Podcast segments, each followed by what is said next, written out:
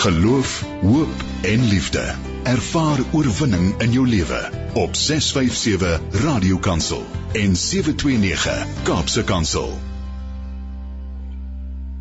Geloof, hoop en liefde. Dit klink op soos 1 Korintiërs hoofstuk 13 wat sê dat die liefde is die alleroorheersende, alles oortreffende gawe wat God deur sy Heilige Gees in ons harte lewend maak. En uh, wat 'n wonderlike voorreg om saam met jou te mag kuier op die senders van Radio Kansel. My naam is Janie Peltzer. Hierdie program se naam is Perspektief en ons probeer inderdaad net dit doen wat die program se benaming sê, naamlik om perspektief te kry en perspektief te gee en eintlik ook perspektief te kan ontwikkel. En daarom nooi ons meningsvormers van verskeie oorde om rondom sekere sake wat tans nuuswaardig is met ons luisteraars te deel en uh, sodat ons almal meer ingeligte besluite kan maak. Ons weet tog nie alles nie, nie, nie waar nie. En dit is 'n bietjie hoogdrawend en hoogmoedig om te sê, maar ek verstaan alles, ek ken alles, ek deurgrond alles.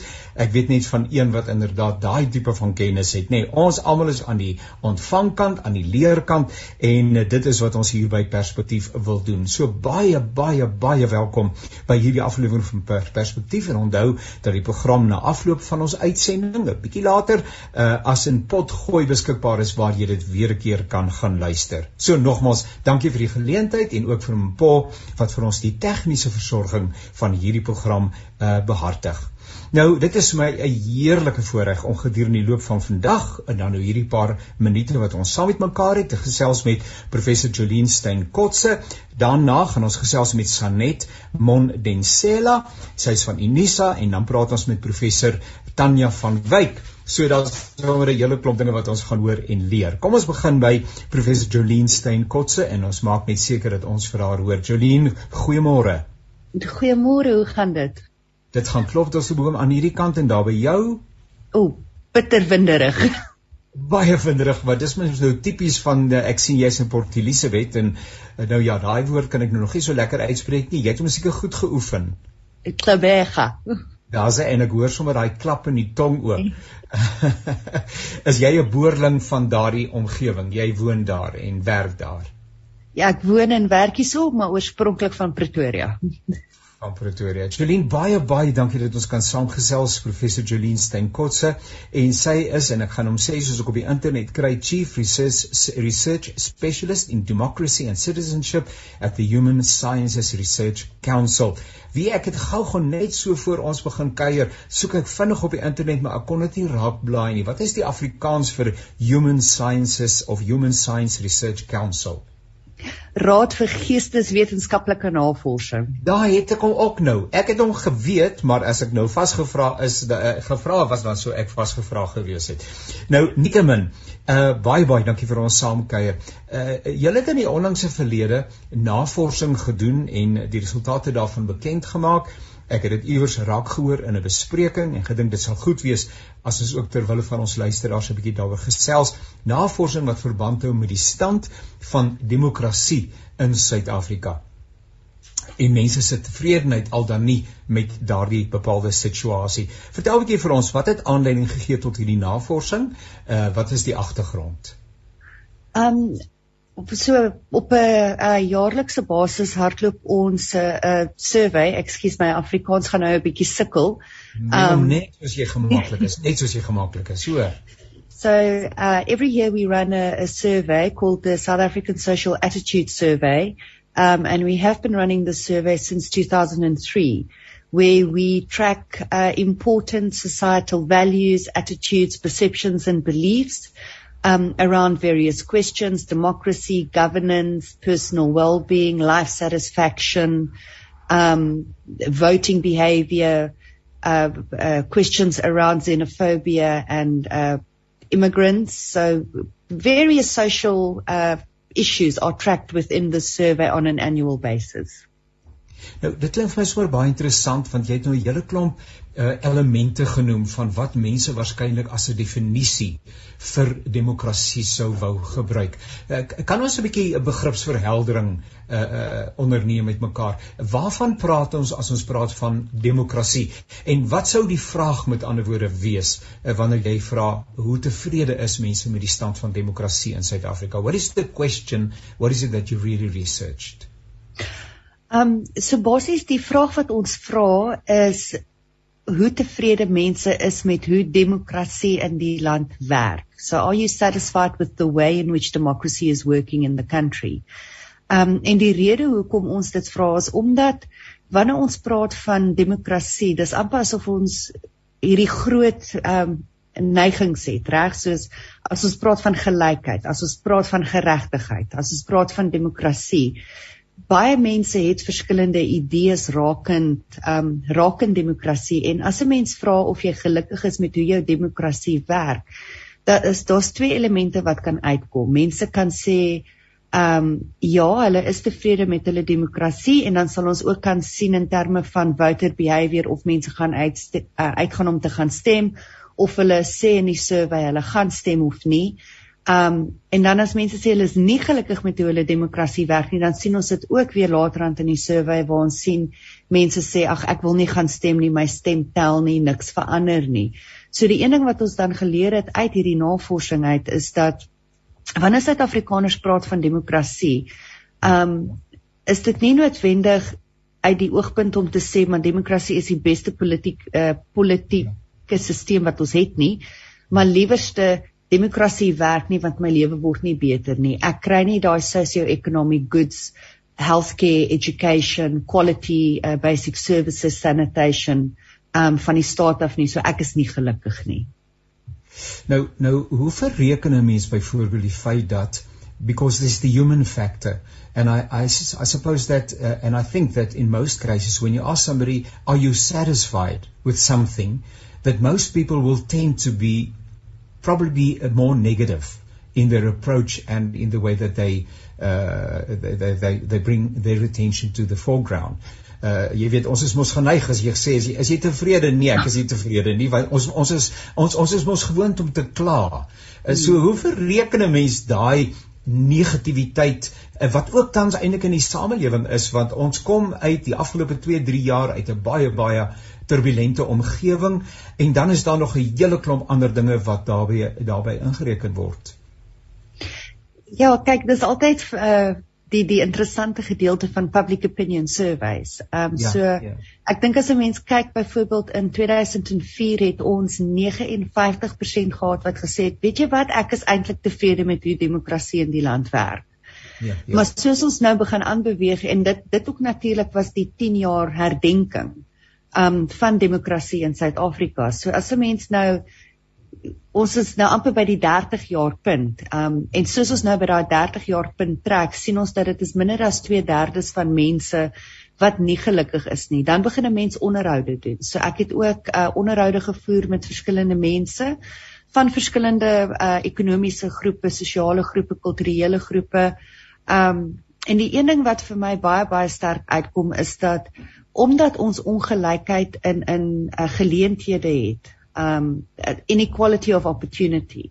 Ja, so basies wat as 'n mens nie in 'n um hoe kan 'n mens sê in 'n wealthy or or a comfortable life gebore word nie ja, is jou kanse om jou lewensdroom te bereik soveel uh moeiliker in ons land en ongelukkig daardie uh, moeilikheid of of um die inequality of opportunity gaan nog steeds gepaard met die speciality of apartheid. Ehm um, so daar is groot krisisse of nie krisisse nie, maar groot probleme wat 30 jaar later mense 'n bietjie moedeloos begin voel. As ek nou uh, ek, baie dankie en dankie dat jy my ook verdra want ek ek is lekker uh verleë om by jou te leer. Uh as ek nou byvoorbeeld dink ons het nou 10 mense hier voor ons en ons vra vir hulle oor 'n bepaalde saak. Een persoon sê 70% tevrede, die ander een sê 30% tevrede, die ander een sê 52 en die ander een sê 16 ensovoorts. Nou gooi ons dit alles bymekaar, ons werk gemiddeld uit. Uh, kan 'n mens dan sê maar die gemiddelde tevredenheid uh van hierdie groep mense is argumente onthaalwe 43% terwyl die laagste by 16 is en hy eintlik ver van 43 is. Hoe met ander woorde hoe werk daardie gemiddelde is dit 'n gemiddelde tevredenheid ehm um, maar maar hy, hy het 'n 10% na bo en 'n 10% na onder Nee, ehm um, die manier hoe ons die die kom ons sê ek vra nou byvoorbeeld vir jou how satisfied are you with the way democracy is working in the country. Yes. So dan gee ek vir jou 'n uh, 'n skaal. So my skaal is dan I'm very satisfied, satisfied, I don't know or neither satisfied or, or dissatisfied. Um as dissatisfied and then very dissatisfied. So wat ons dan doen is as ons kyk na jou satisfaction rate met die very satisfied and satisfied, so mense wat aangedui het hulle is tevrede, maar ons kyk ook na wat is die dissatisfaction um rate. So mense wat aangedui het dat hulle is glad nie tevrede nie, um of hulle is ontevrede of hulle is baie baie ontevrede met demokrasie daar is met ander woorde 'n verband tussen mense wat byvoorbeeld uh, sosiaal-ekonomies, maatskaplik al daai komponente beter af is met wie dit beter gaan. Ek woon in 'n huis, ek het 'n motor, ek het toegang tot finansiering ensovoorts en dan 'n hmm. persoon wat in 'n in 'n in 'n ander omstandigheid woon waar daar nie kredietwaardigheid is nie ensovoorts ensovoorts. Hulle ervaring uh, van demokrasie sou waarskynlik baie meer negatief wees. Nee, beslis, um, want 'n mens moet ook onthou uh, daar kyk die dit dit gaan mos nou terug na verwagtinge. So wat het mense verwag toe 1994 uh geklop het? For for lack of a better phrasing, when 1994 came knocking. Um you know what were those great expectations?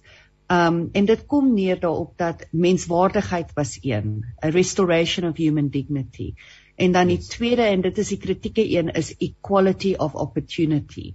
Um En ongelukkig, soos ons weet, as 'n mens kyk na jou publieke skole byvoorbeeld, jy kyk na publieke hospitale, ehm um, daar is baie baie groot challenges, ehm um, veral oor die kwaliteit van onderwys, die kwaliteit van gesondheidsdienste uh, raak problematies en dit is hoekom mense voel hulle menswaardigheid ehm um, selfs in 'n demokratiese era word nie noodwendig gerespekteer nie.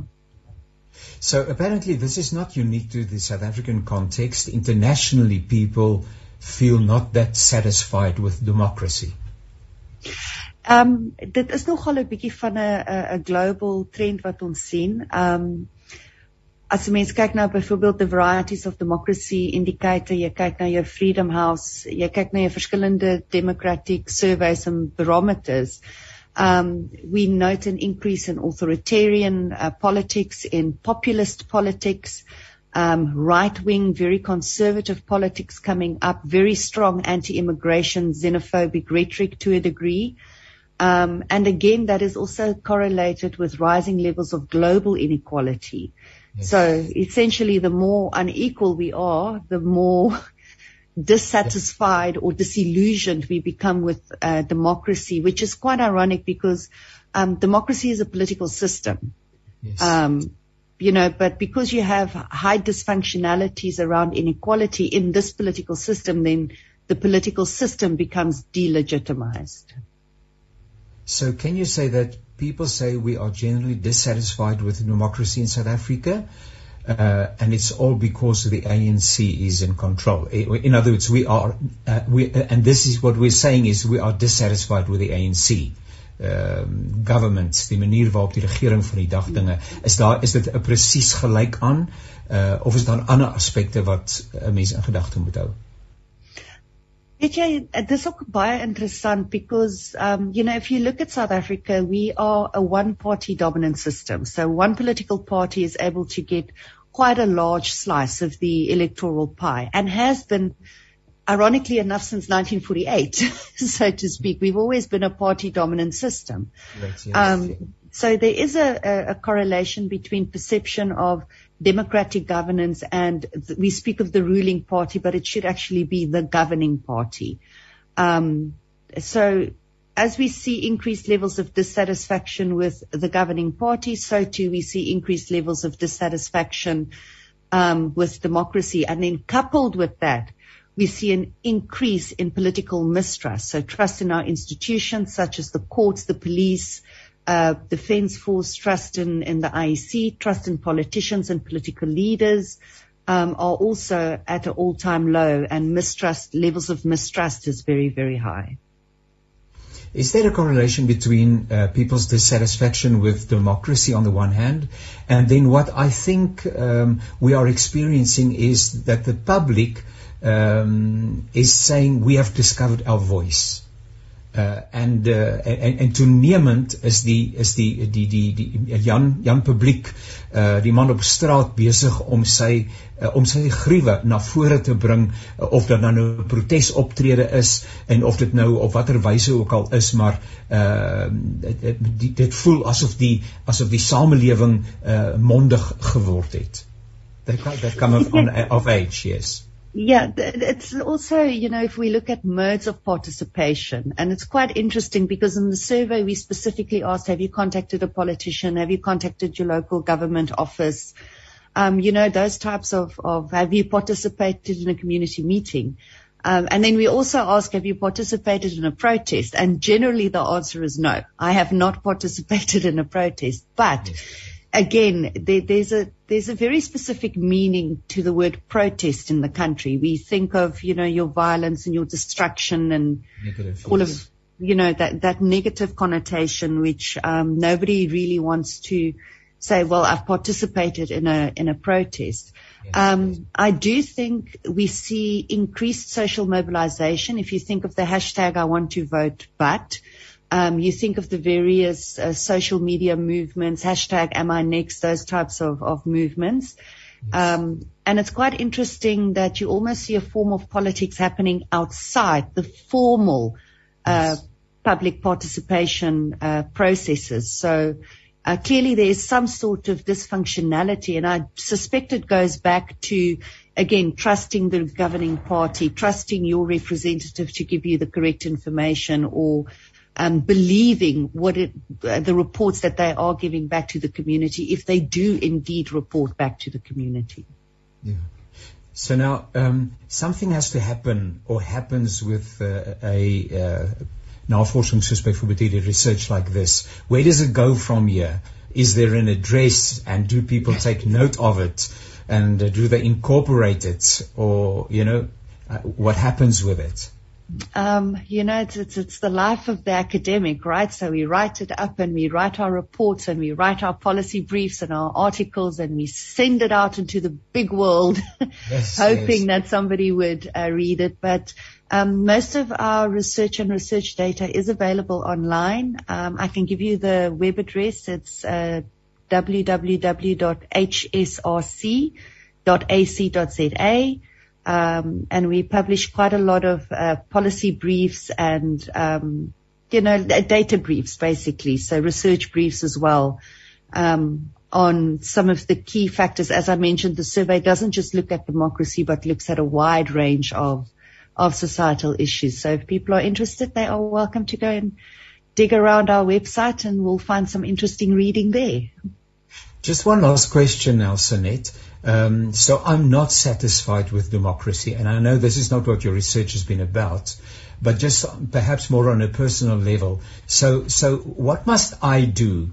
What can I do uh, as a citizen when I'm not satisfied with a particular situation? Surely I can't just point a finger and say as I ANC net wil bykom of as so en so net wil bykom, dan gaan die wêreld 'n beter plek wees want dit gaan ek dink nie dat ehm um, uh, dis maar ons ervaring net dat politici hulle verskriklik baie steur aan hierdie tipe van uh, navorsing nie. Miskien doen hulle wel, ek weet nie. Maar maar goed, ek is nou Jan publiek en ek sê ek is nou nie baie tevrede hmm. met die stand van sake nie. Wat moet ek doen?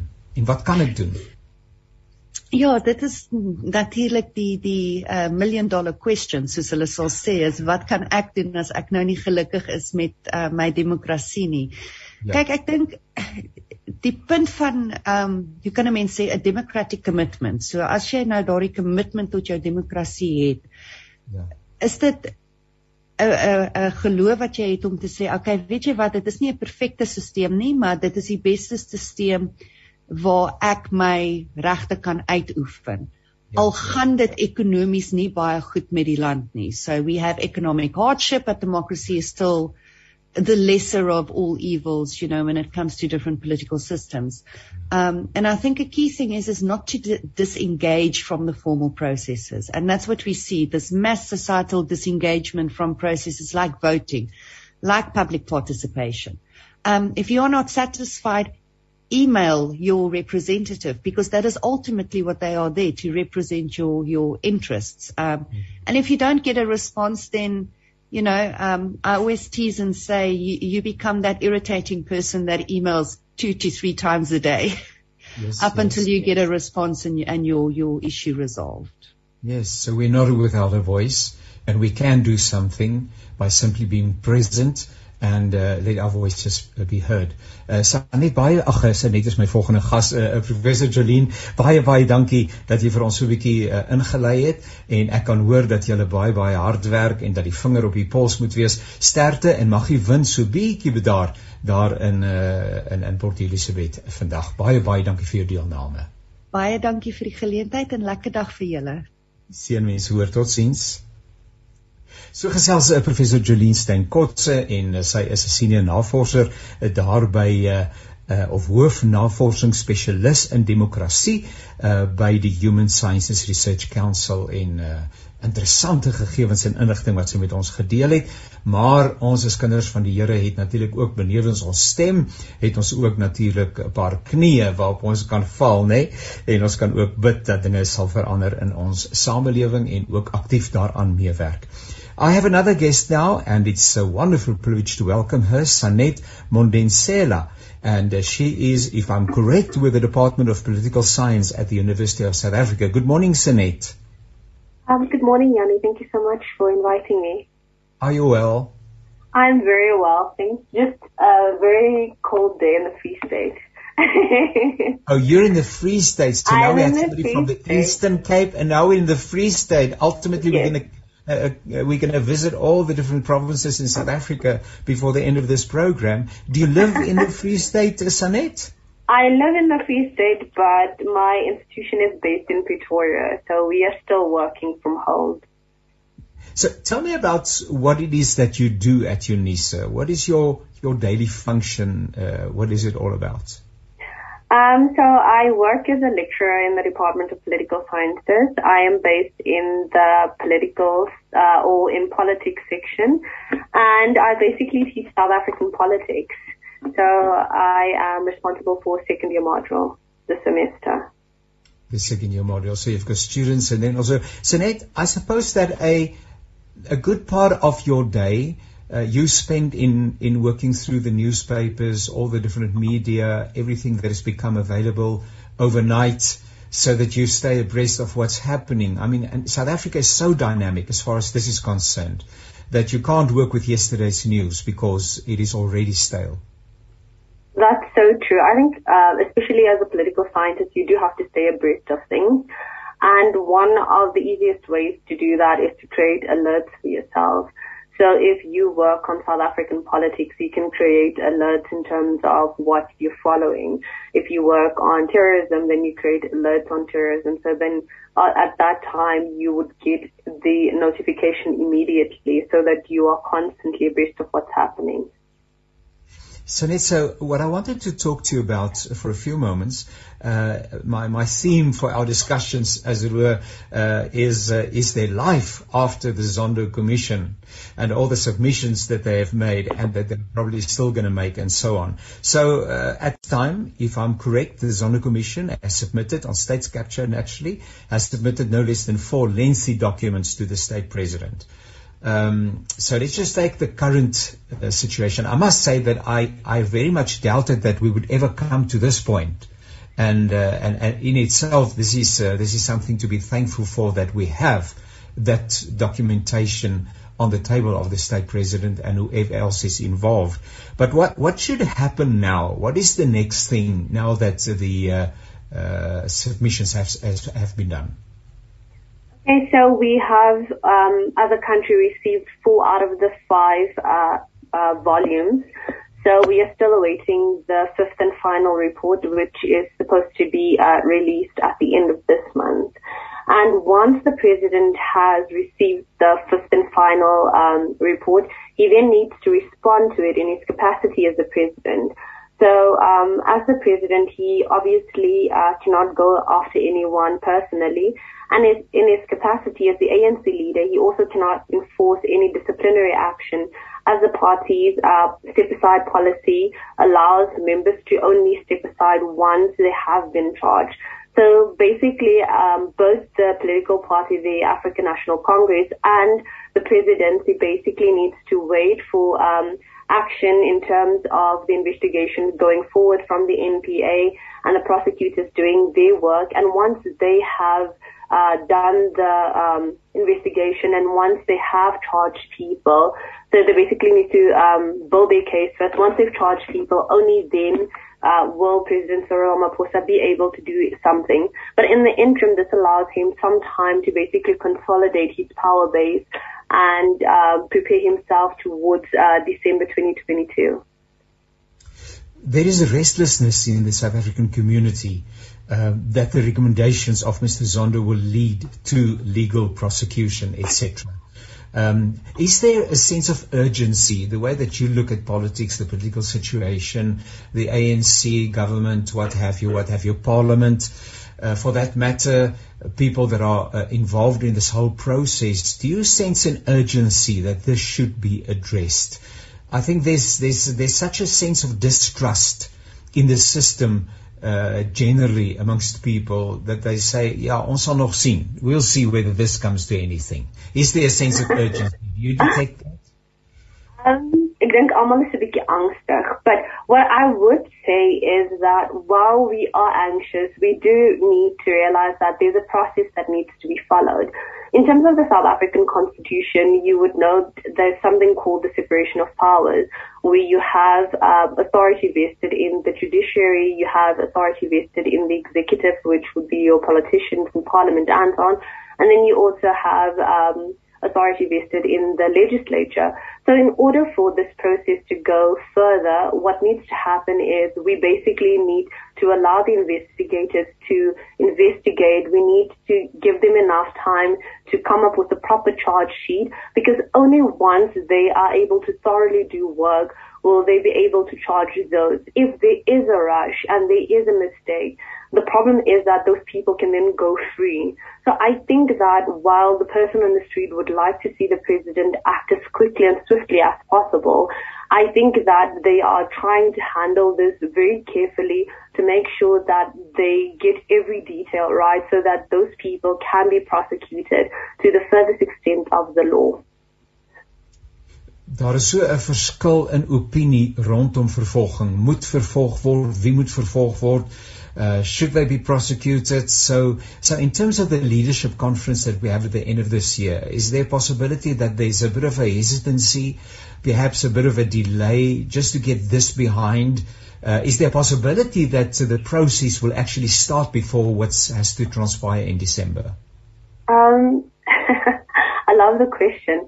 Uh, it's actually quite interesting. Um, there are scholars and obviously uh, people who follow the news who believe that President Ramaphosa is also playing for time because should he act too ha- uh, hastily, it could affect his ability to get re-elected towards the end of the year. So you don't want to alienate your voter base, but you also don't want to alienate in, any other members of the ruling party because should you do, you will alienate them and their constituencies. So I do think that to a certain extent there is that element where you are basically playing for time, where you are delaying everything as much as possible so that you can get that second term.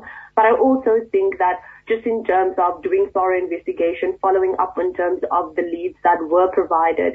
I do think that, uh, like, unfortunately, the law takes its time, but when it does, it, it, it moves swiftly and it will be very decisive.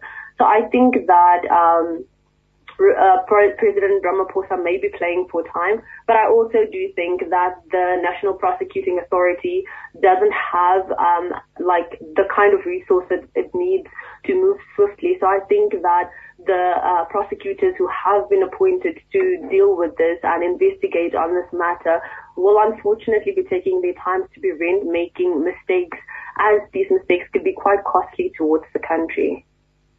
Well, I just saw last night on television that uh, that particular authority, and I, I'm not sure of the lady's name, uh, just help me, uh, Beloy, I think. Um, Shamila Beloy. Yes, that the, the, the amount of money that is that is necessary in order to run this whole process uh, is, it's a great deal of money. But then in the light of uh, the amount of money that South Africa has actually lost because, uh, because of that, that the country has lost because of state capture, irrespective of the fact, the fact that they tried to get some of that money back, uh, another million, another billion uh, will not make that much of a difference if it brings us to a place where uh, the the trust in in the system can be restored and we can all go forward. Um, I think you're right. I don't think that there is too great a price to pay for justice. And I do believe that as a country, we need to invest in the National Prosecuting Authority. I think we do need to provide them with the resources and the support they need so that they can thoroughly do their job, so that they can hire more people and so that they can um, like investigate this to the the furthest ability, their furthest abilities. But I also do think that it would be a mistake to not capacitate them. I think that um, should you not do this, it will have a ripple effect in terms of the country because those who are implicated in this might then walk free. And the implication of this is that you will then create a culture of impunity where people can just do things and they just get away with these things. And as a result of that, you ha- will have weakened state institutions. You will have a decline in investor confidence. You will have a weakened rand.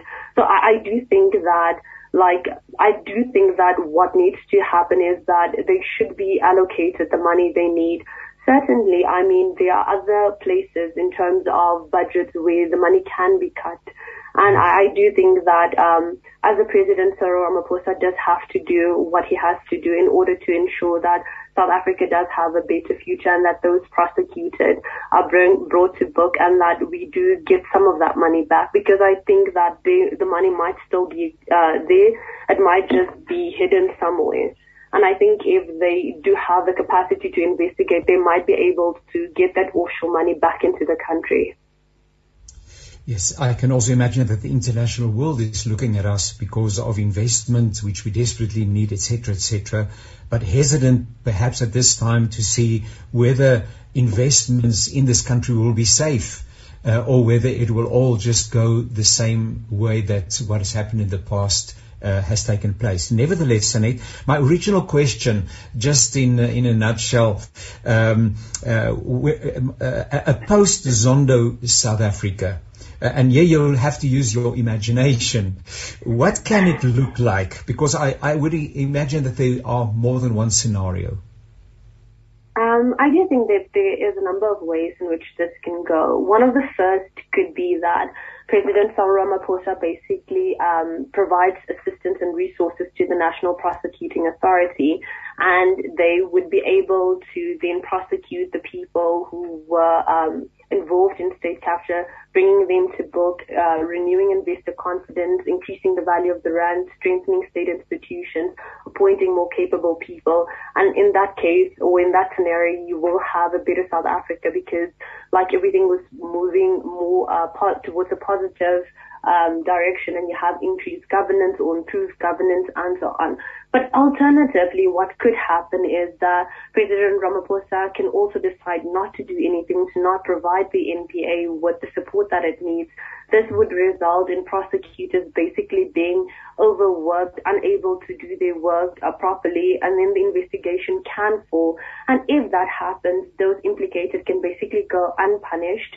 And then you have your culture of impunity. You have people basically just doing whatever it is that they want to do because they know that they can get away with it.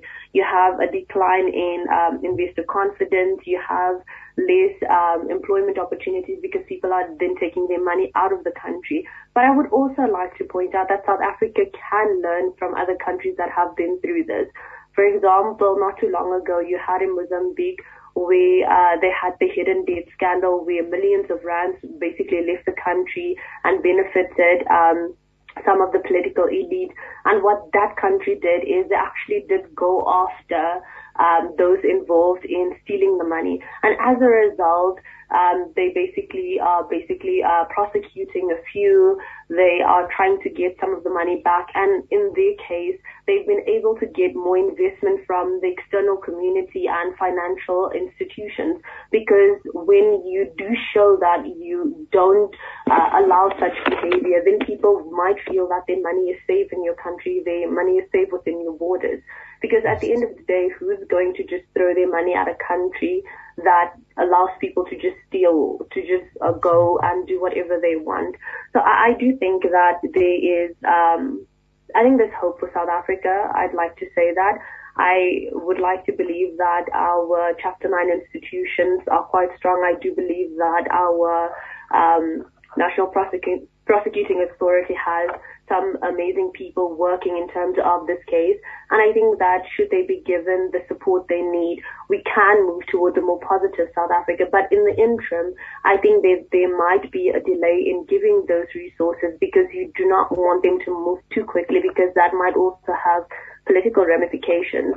So uh, hoping that President Cyril Ramaphosa does the right thing and goes towards the former uh, scenario instead of the latter scenario, this could prove po- uh, to be positive for South Africa.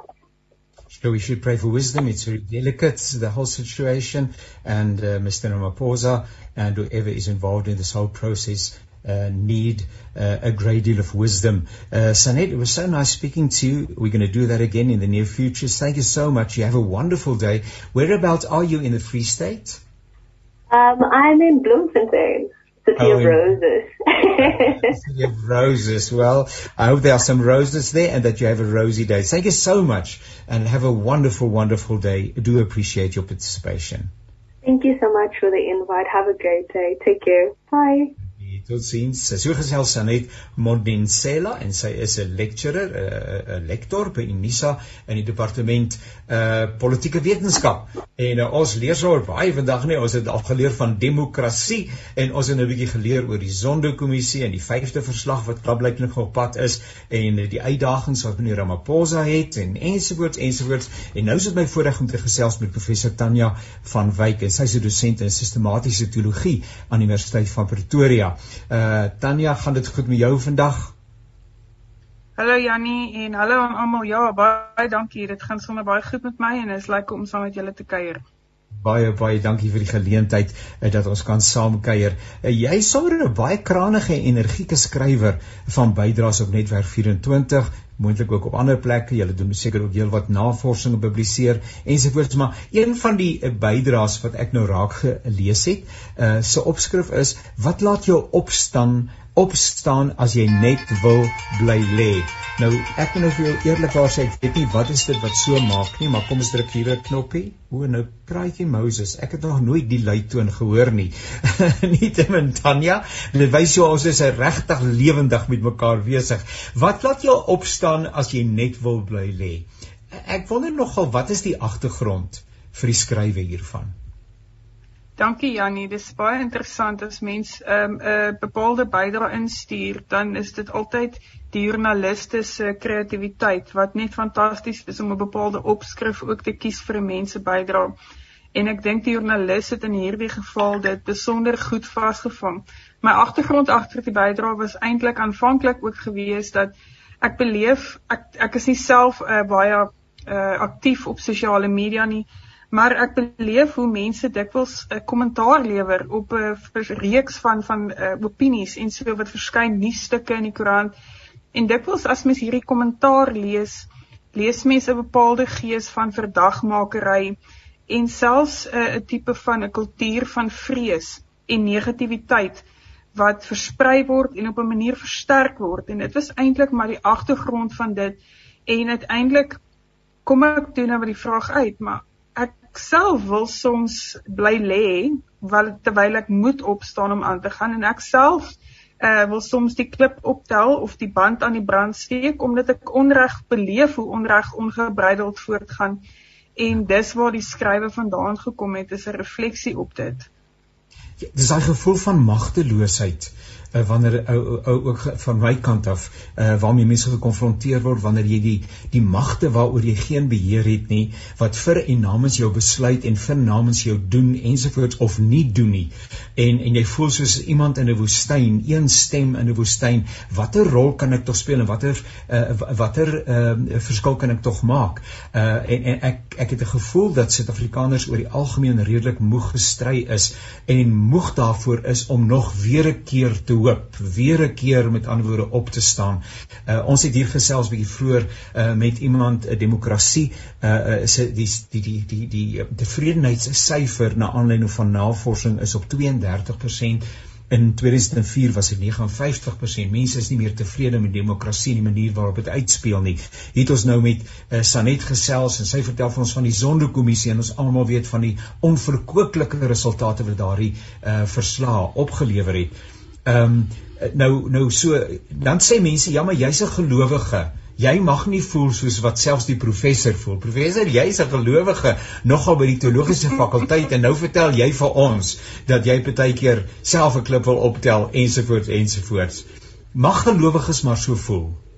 Weet jy Jannie, um, ek wil vir jou sê dit is 'n teken dat my hart nog klop en dat ek nog 'n mens van vlees en bloed is en daarvoor is ek ook baie dankbaar.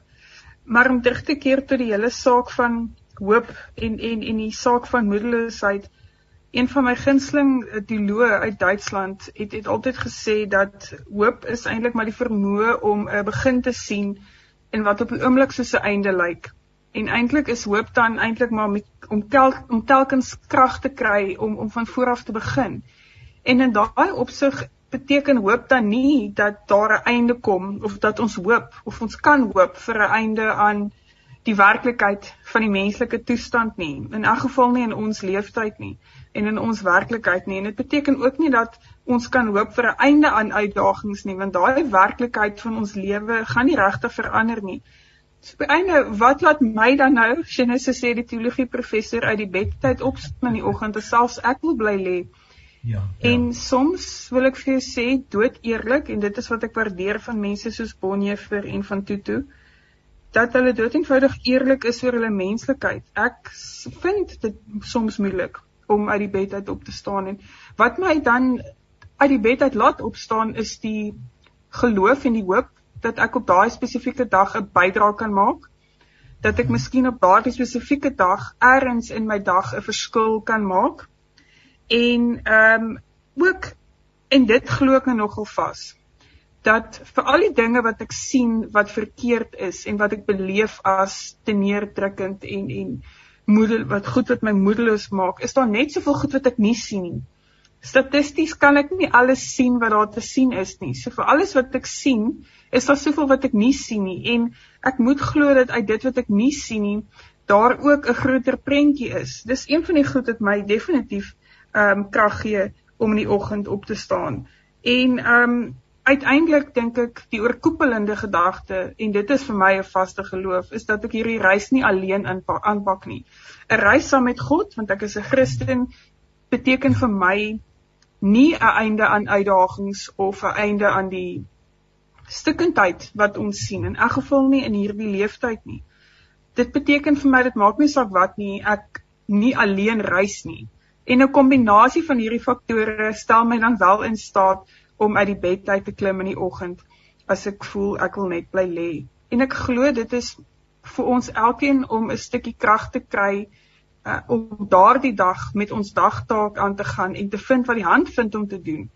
Ja. Terwyl ek heeltemal ehm um, heeltemal ek kan verstaan en en self dit aan my lyf voel oor oor die moedeloosheid. Maar dit is die dinge waar ek krag put, uh, Jannie. En natuurlik kry ons voorbeelde in die Bybel van die profete van ouds wat moedeloos is en kwaad is en opgaan na die berg en afklim na die berg en in die woestyn ingaan. So ons staan in die uh, tradisie van baie profete waarvan ons hulle verhale en stories ook in die Bybel het. Ja, op 'n manier het nou wat ook al kom ons sê dan die Here het ons nie uitgekies om swaar te kry te midde van al die vele geslagte wat voor ons gekom het nie.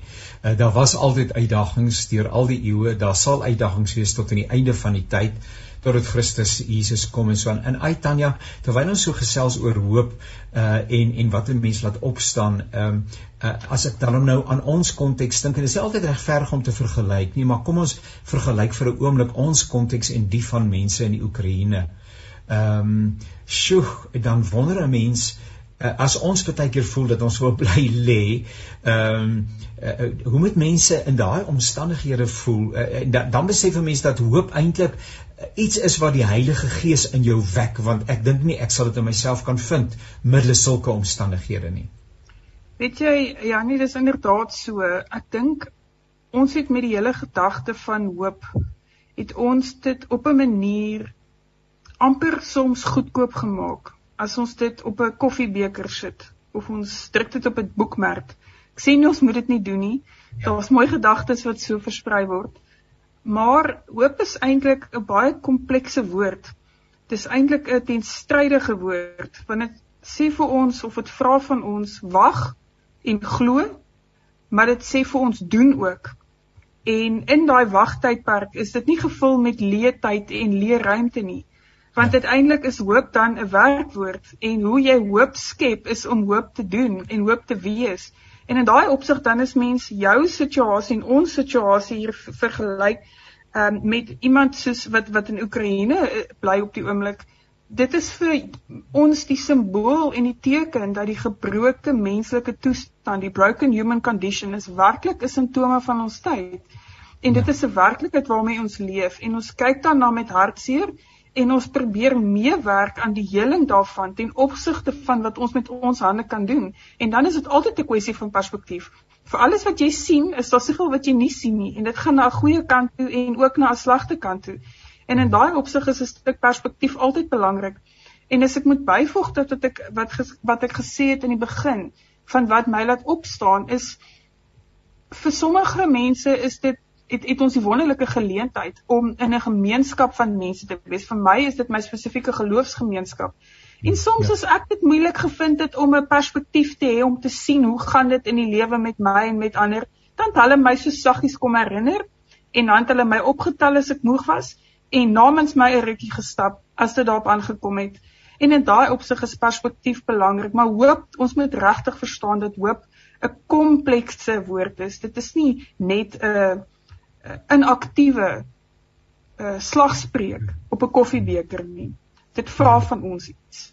Dit vra van ons iets en en vra met ander woorde die konteks wat ons belewe, watter geleenthede uh want verleentheid en geleentheid gaan ook saam en daar's altyd geleenthede sê maar goed uh liewe Here dit is dan nou die konteks en watter geleenthede wil u my opwys uh, waarmee ek en waarin ek 'n verskil kan maak. Sommige net 'n laaste gedagte uh, Tanya uh in in in 'n kuier sommer net lekker saam met jou en dankie dat ons dit al in die verlede ook kon doen en so aan. Uh, want uh, die hele gedagte rondom die ballingskap val vir my op. Aan die een kant ehm um, dat eh uh, die Here vir vir Nehemia sê, het ek dit reg of wat 'n profeet, help my gou-gou reg, uh, uh, sê dat die mense moet huise bou, hulle moet trou, uh, hulle moet partytjie hou, hulle moet uh, sosialiseer, hulle moet aangaan met die lewe te midde van die gebrokenheid van daardie situasie terwyl hulle eintlik hulle liere opgehang het uh, aan die bome en nie lofliedere wil sing nie. 'n uh, God wat sê te midde van die gebrokenheid gaan aan met die lewe. Ehm um, en dan weer aan die ander kant kraaitjie Moses wonderlik oor Suid-Afrika. Uh as ek nou daar in ballingskap was en die Here sê 70 jaar. Ek bedoel is genoeg om my heeltemal onder te sit. Is dit ook 70 jaar vir Suid-Afrika dink jy voordat daar vir ons 'n nuwe dag gaan aanbreek? Weet jy Annie, ehm um, die kwessie van in elk in eerste plek wil ek jou 100% ehm um, teruggee. Die hele uh lewenstyl en die perspektief van die mense van die Bybel was juis spesifiek hierdie saak van uh leer om te lag terwyl jy die swaarker van die lewe ook sien. Jy gaan nooit net een van daai twee aspekte in jou lewe kan ervaar nie. Dis nooit net die een of die ander nie. Dis wat my van Desmond Tutu so inspireer trouens, is die feit dat hy met sy absolute weerloosheid uh dit tegemoet stap en dit as 'n hemosin kom behou omdat hy glo in God se hemosin. So absoluut, ek dink dit dit dit vind ons definitief in die Bybel. As jy praat van 'n nuwe dag vir Suid-Afrika, dan is dit my altyd interessant watter tipe nuwe dag praat ons van? Praat ons van 'n nuwe dag vir die mens wat sukkel om werk te kry? Praat ons van 'n nuwe dag vir die vrou wat 30 km moet loop om water te gaan haal en haar hele familie moet versorg? Wat 'n nuwe dag praat ons hiervan? En en in daai opsig keer ek maar terug tot tot my vaste geloof dat as ons kyk na hierdie tipe van voorbeelde is dit ons wat uiteindelik die instrumente word uh, in in God se hande. En ek dink daar breek oomblikke deeltyd aan 'n nuwe dag ten opsigte van die totale heling van die gebroke menslike toestand is iets wat ek dink nie in 'n mens se lewenstyd vir mens kan beskoor wees nie. Dood eenvoudig omdat die menslike toestand is wat dit is. Maar ek dink daar breek as jy praat van 'n nuwe dag, daar breek aanhoudend nuwe oomblikke aan, oomblikke van integriteit, oomblikke van eerlikheid. Ehm um, oomblikke van 'n nuwe begin en dat ons daardie oomblikke dan vat en dit soveel as moontlik uitbou soveel as moontlik vier ook.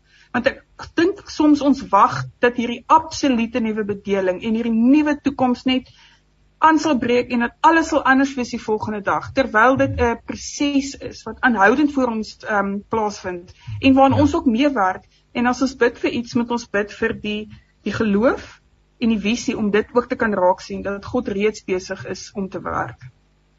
God is reeds besig om te werk. Ons sluit by hom aan en uh, ons vertrou ook baie baie dankie professor Tanya van Wyk, uh dosent in sistematiese teologie Universiteit van Pretoria dat jy vir ons gehelp het om bietjie perspektief te kry ook rakende ons eie rakende ons eie moedeloosheid baie keer en uh, dat daar genoeg redes is om op te staan, die dag in die oë te kyk en uh met God se hulp die beste gebruik te maak van elke geleentheid. Seënwense vir jou. Mag dit met jou baie baie goed gaan vandag. Dankie Jannie en dankie vir die geleentheid om weer lekker saam met julle te kuier. Dankie Tanya. Tot 'n volgende keer, liewe luisteraar. Dit was lekker om saam met jou te kuier. Dankie aan ons deelnemers. Ons is sommer baie geleer. Daar's 'n hele klomp dinge waaraan ons kan dink en wat ons kan integreer in ons lewens. Uh ook baie baie dankie aan Mpo uh vir sy uh, tegniese bystand uh, sodat hierdie program inderdaad by ons mense kan uitkom. Ons loof die Here vir sy goedheid en guns en ons dankie dank hom dat die die oorwinning vas staan en dit ons in die oorwinningstog in hierdie wêreld uh, mee gevoer word uh, omdat die graf leeg is. Word uh, mag die Here verheerlik word in en deur ons lewens en ons getuienis. Soos ek reeds gesê het tot 'n volgende keer. Alles wat mooi is en totsiens.